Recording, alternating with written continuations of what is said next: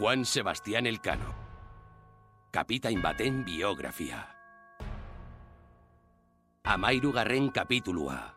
Bekatua.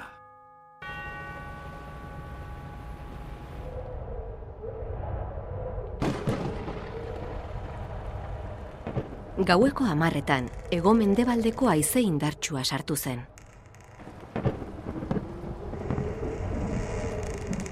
Olatuak mastaren goiko alderaino iristen ziren, eta ezin ziren zeuden lekutik mugitu ere egin.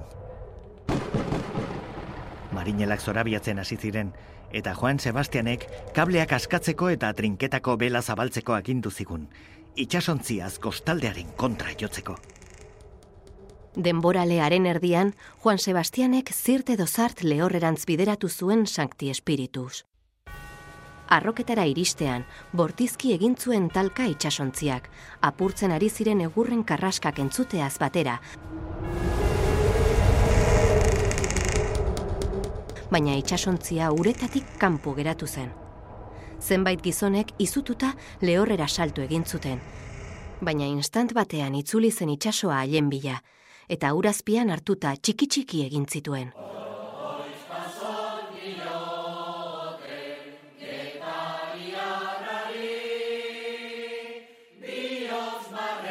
Igerilari bikain batek soilik lortu zuen ies egitea.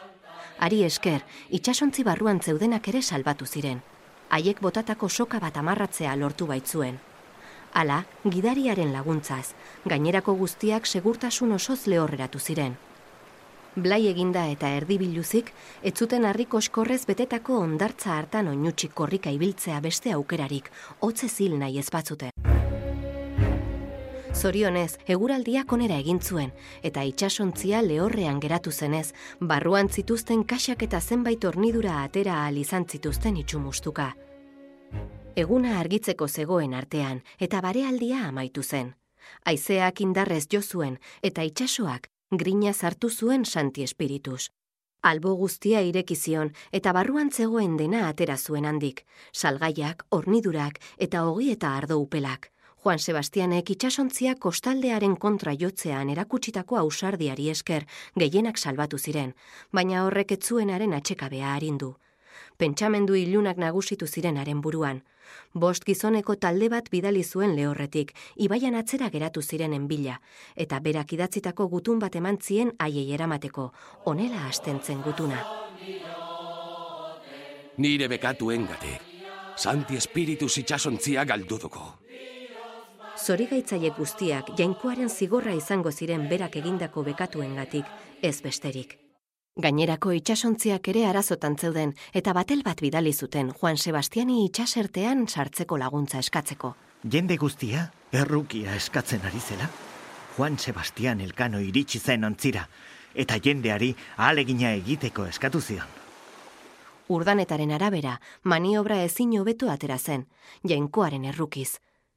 Itsasontziak itsasarte barruan babestu ondoren, zenbait indigena ikusi zituzten lehorrean eta batela bidali zuten haietako baten bila. Urdaneta.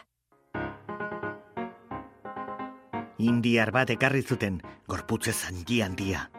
Gudenok baino, beso bat handiagoa zen. Zebra larruz jantzita zegoen, eta honetan, larru mota beraz eginiko abarkak zituen. Buruan berriz, egazti baten luma zuriak zituen jarrita. Jateko eta edateko eman zioten, eta ardoa edan zuenean, ez zuen gehiago urik edan nahi izan. Horrezkain, ispilu bat eman zioten. Bere irudia ikustean, ura harrapatu nahi izaten zuen, ispiluaren atzean beste indiar bat zegoela uste baitzuen. Gero, dantzatzen aritu zen denbora luzean, eta berriro lehorrera eramateko keinuak egin zizki, pozpozik joan zen. Denen lasaitasunerako loaisak idatutako ontzi nagusia agertu zen, eta ontzidi osoa itxasartearen barruan batu zen. Juan Sebastian ondartzan geratu ziren naufrago guztiak erreskatatzera abiatu zen. Ilundu egin zuen amaitzerako, eta beste ekaitz gogor baten ondorioz, itxaso zabalera ies egin behar izan zuten. Ekaitzak grina sartu zuen loaisaren Victoria itxasontzia. Hain gogor zigortu zuen Victoria, Loaisa eta bere gizon gehienak itsasontzitik jaitsi baitziren, maixua eta itsasgizon honenak bakarrik geratu ziren barruan ura salbatzen ahal egintzeko. Rodrigo de Acuña kapitaina. Ontzi nagusia lemarik gabe geratu zen, eta itsasoak kroskoa babesten zuten berunezko xaflak eraman zituen. Bai eta juntaduretako iztupak ere, gazteluak errotik atera zituen, eta ontzi gainean zegoen guztia itsasora bota zuen. Victoria itsasontzi bikaina hain txikituta geratu zen, ez baitzuten atzera jotzea beste aukerarik izan, Santa Cruz ibaira hain zuzen, han saiatuko ziren itsasontzia konpontzen. Abagune horretaz baliatu ziren beste bi itsasontzi eta itzulerako bidea hartu zuten, bakoitzak bere aldetik. Edo zer zuten nahiago berriro itsasarteari aurre egitea baino. Rodrigo de Acuña kapitaina zen ies egin zuen haietako bat, eta honela idatzi zuen gerora. Zoria garaitu, eta gogor jogintuen magalla ez itxasartean. abiatutako zazpi itxasontzietatik lau soli geratzen zirela, eta bere konfiantzazko bi kapitainek utzi egin zutela ikusirik, loaisa gizon patxadatxu eta kementsua estutu egintzen. Santa Cruz ibaian, konponketak egiteaz gain, eizatu eta arrantzatu egin zuten. Itxas lehoi bat harrapatu genuen, hiri batek bezain beste haragizuen, baina haren gibela jan genuenok, burutik oinetara arteko oinazea izan genuen.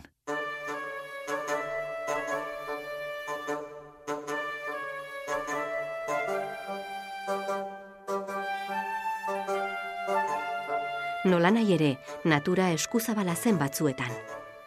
Urdaneta. Nik topazio eder bat aurkitu nuen, urrezko berrogei dukat eskaini zizkidaten arengatik. Apirilaren bostean, lau itxasontziak itxasartean sartu ziren berriro. Batel bat bidali genuen gurutze handi batekin. Gurutze ura bertan hiltziren bederatzi lagunen oroimerez jarri zen santi espiritus, itxasontziaren zutoinetan.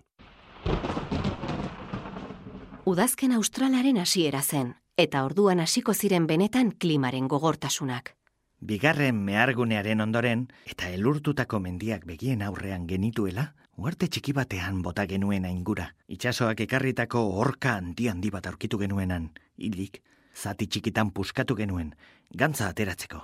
Izan ere, jateko ona ez izan arren, oso probetxugarria zen brea prestatzeko eta kandelak egiteko. Segidan gertatu zen istripua kontatuko du urdanetak. Horka galdaran prestatzen ari ginela, itxasontziak zu hartu zuen. Arrisku bizian ikusi genuen geure burua, baina jainkoaren laguntzaz, eta arduraz jokatu genuelako, zua itzali al izan genuen. Ontzidiak aurrera jarraitu zuen. Portu egokiak aurkitu genituen, amarratu gabe ere, itxasontziak seguru egon zitezkeen haietan. Gure begiekin ikusi genezakeen lekura arte, eremu osoa elurrez estalita zegoen. Itxasartea zeharkatzen ari ginen bitartean, oso gutxitan ikusi genuen zerua oskarbi, laino baten barruan sartuta geunden, eta ezin genuen lurra ikusi. Horrez gain, oso ohikoa zen euria edo elurra egitea. Danbateko ikaragarri bat entzun zuten, bi ozeanoetako urek elkarren aurka jotzen zuten lekuan. Itxasartearen azken zatian ez da eguzkirik sartzen ia urte osoan, eta hogei orduko gauak izaten zituzten. Temperatura berriz, zero azpitik hogei gradu baino hotzagoa izan zitekeen. Urdaneta. Hotz egiten zuen, eta elur asko. Ez genuen berotuko gintuen arroparik eta gauetan hainbeste zorri sortzen ziren, jota baikeunden.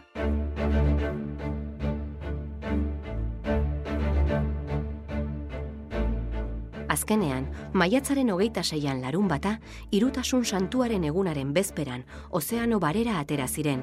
Itxasartera heltze hartzen neguaren aserre aldetik iesi. Bere ala ipar mendebalderantz begira jarri zituzten brankak, eguzkiaren bideari jarraituz.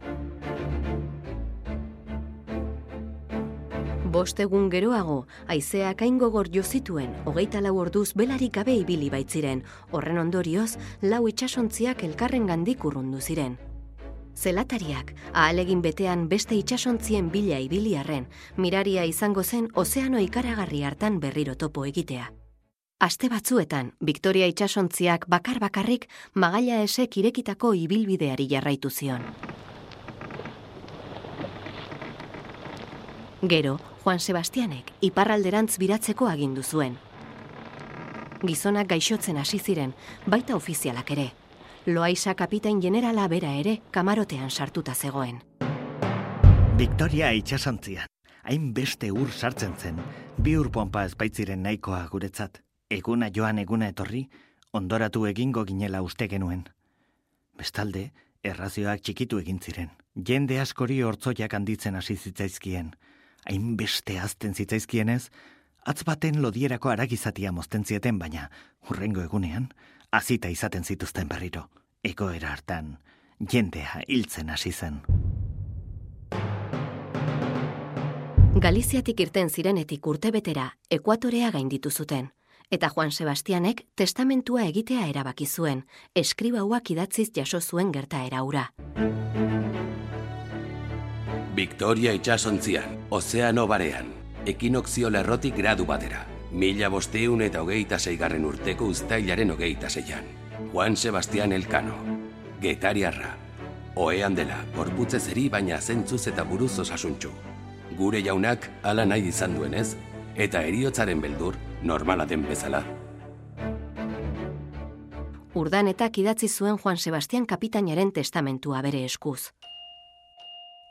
Lau egun geroago, Loaiza kapitain generala hilegintzen. Urdaneta.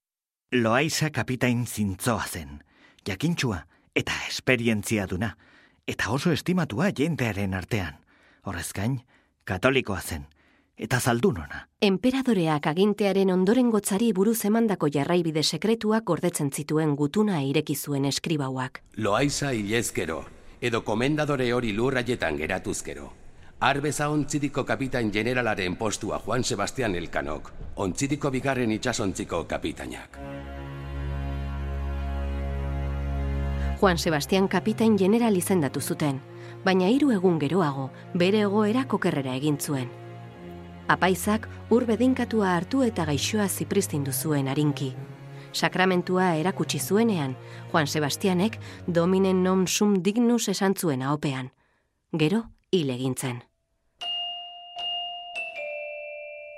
Victoria itxasontziak soilik lortu zuen espezien uarteetara iristea. Behin jantzeudela, su eman zioten hiltzeteria aprobetsatzeko. Koruñatik irten zirenetik amar urtera, bizirik ateratako gizon gutxi batzuek lortu zuten etxera itzultzea. Haien artean zen Andres Urdaneta. Badakigu lurrean sortuak garela, elikatu egiten gaituela ma denezkero. Eta hil ondoren, gure itxuskeriak estaltzen dituela. Baina nabigatzaileei, debekatu egiten zaie kontsolamendu hori.